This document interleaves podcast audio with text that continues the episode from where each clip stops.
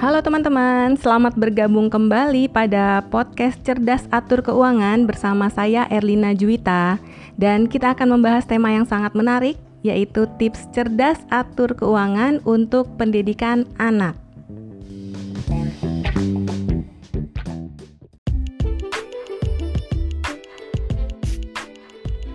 Teman-teman, sebagai orang tua tentu berbagai persiapan keuangan wajib kita perhatikan, termasuk juga yang namanya persiapan untuk dana pendidikan.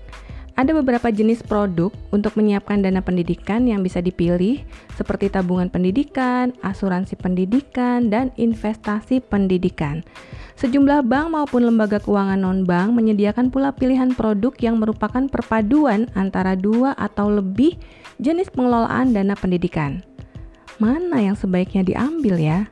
Nah, simak terus podcast Cerdas Atur Keuangan.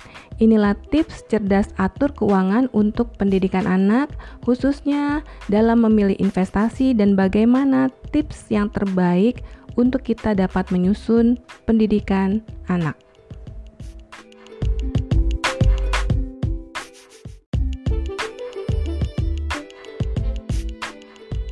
Baik teman-teman, dalam memilih investasi pendidikan anak ini, saya menyarankan untuk menjatuhkan pilihan pada produk investasi dan proteksi yang terpisah ya, bukan digabung.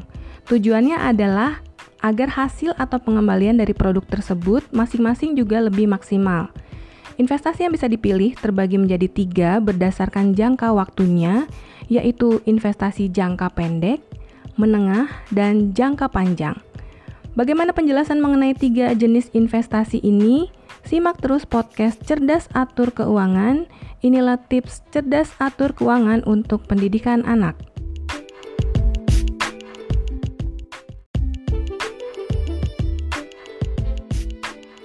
Baik teman-teman, saya akan jelaskan contoh-contoh produk investasi berdasarkan jangka waktunya ya. Yang pertama untuk investasi jangka pendek, yaitu investasi dengan jangka waktu 1 hingga 5 tahun. Contohnya adalah tabungan, deposito, reksadana pasar uang, reksadana pendapatan tetap, dan obligasi.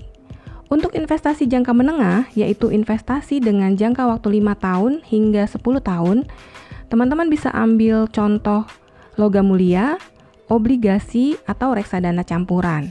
Nah, untuk investasi jangka panjang, yaitu investasi dengan jangka waktu 10 hingga 15 tahun ke atas, contohnya adalah reksadana saham, saham, bisnis, dan properti.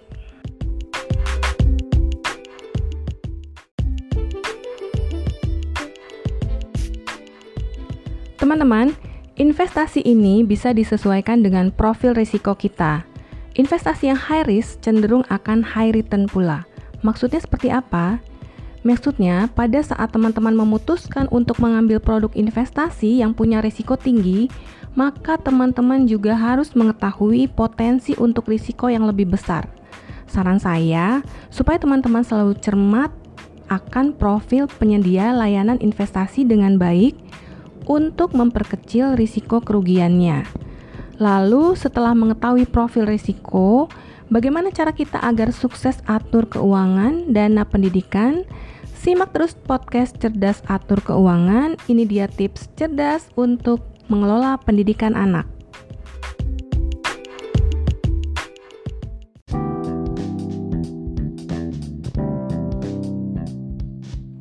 Teman-teman, untuk bisa sukses mengelola dana pendidikan, kita perlu mengingat satu prinsip yang saya singkat dalam kata pinter. Singkatan pinter ini sengaja saya buat untuk memudahkan teman-teman dalam mengingat prinsip yang dasar dalam merencanakan alokasi dana pendidikan.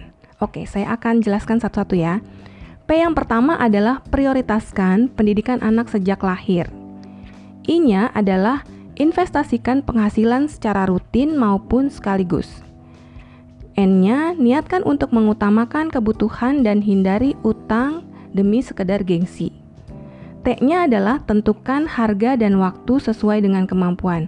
Nah, untuk menghitung berapa besarnya dana pendidikan yang dibutuhkan anak-anak Anda, dapat langsung cek website cerdas keuangan di kolom kalkulator. Teman-teman bisa langsung mengklik kalkulator dan menghitung berapa besar dana pendidikan yang dibutuhkan. Oke, sementara E-nya adalah edukasi anak untuk cerdas mengelola uang juga. Jadi jangan hanya orang tuanya juga, anak-anaknya juga wajib diikutsertakan untuk sama-sama mengelola uang dengan baik. Dan yang terakhir R-nya adalah rajin, disiplin dan komit dalam berinvestasi.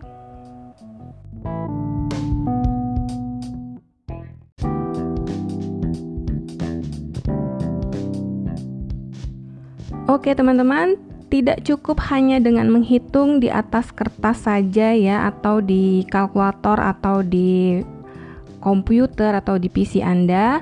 Pengelolaan dana pendidikan ini harus dilakukan secara nyata.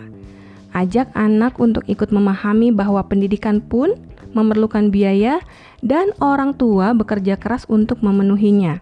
Harapannya, anak-anak bisa lebih menghargai apa yang sudah dia peroleh dan mengerti bahwa untuk mencapai suatu tujuan diperlukan juga perjuangan.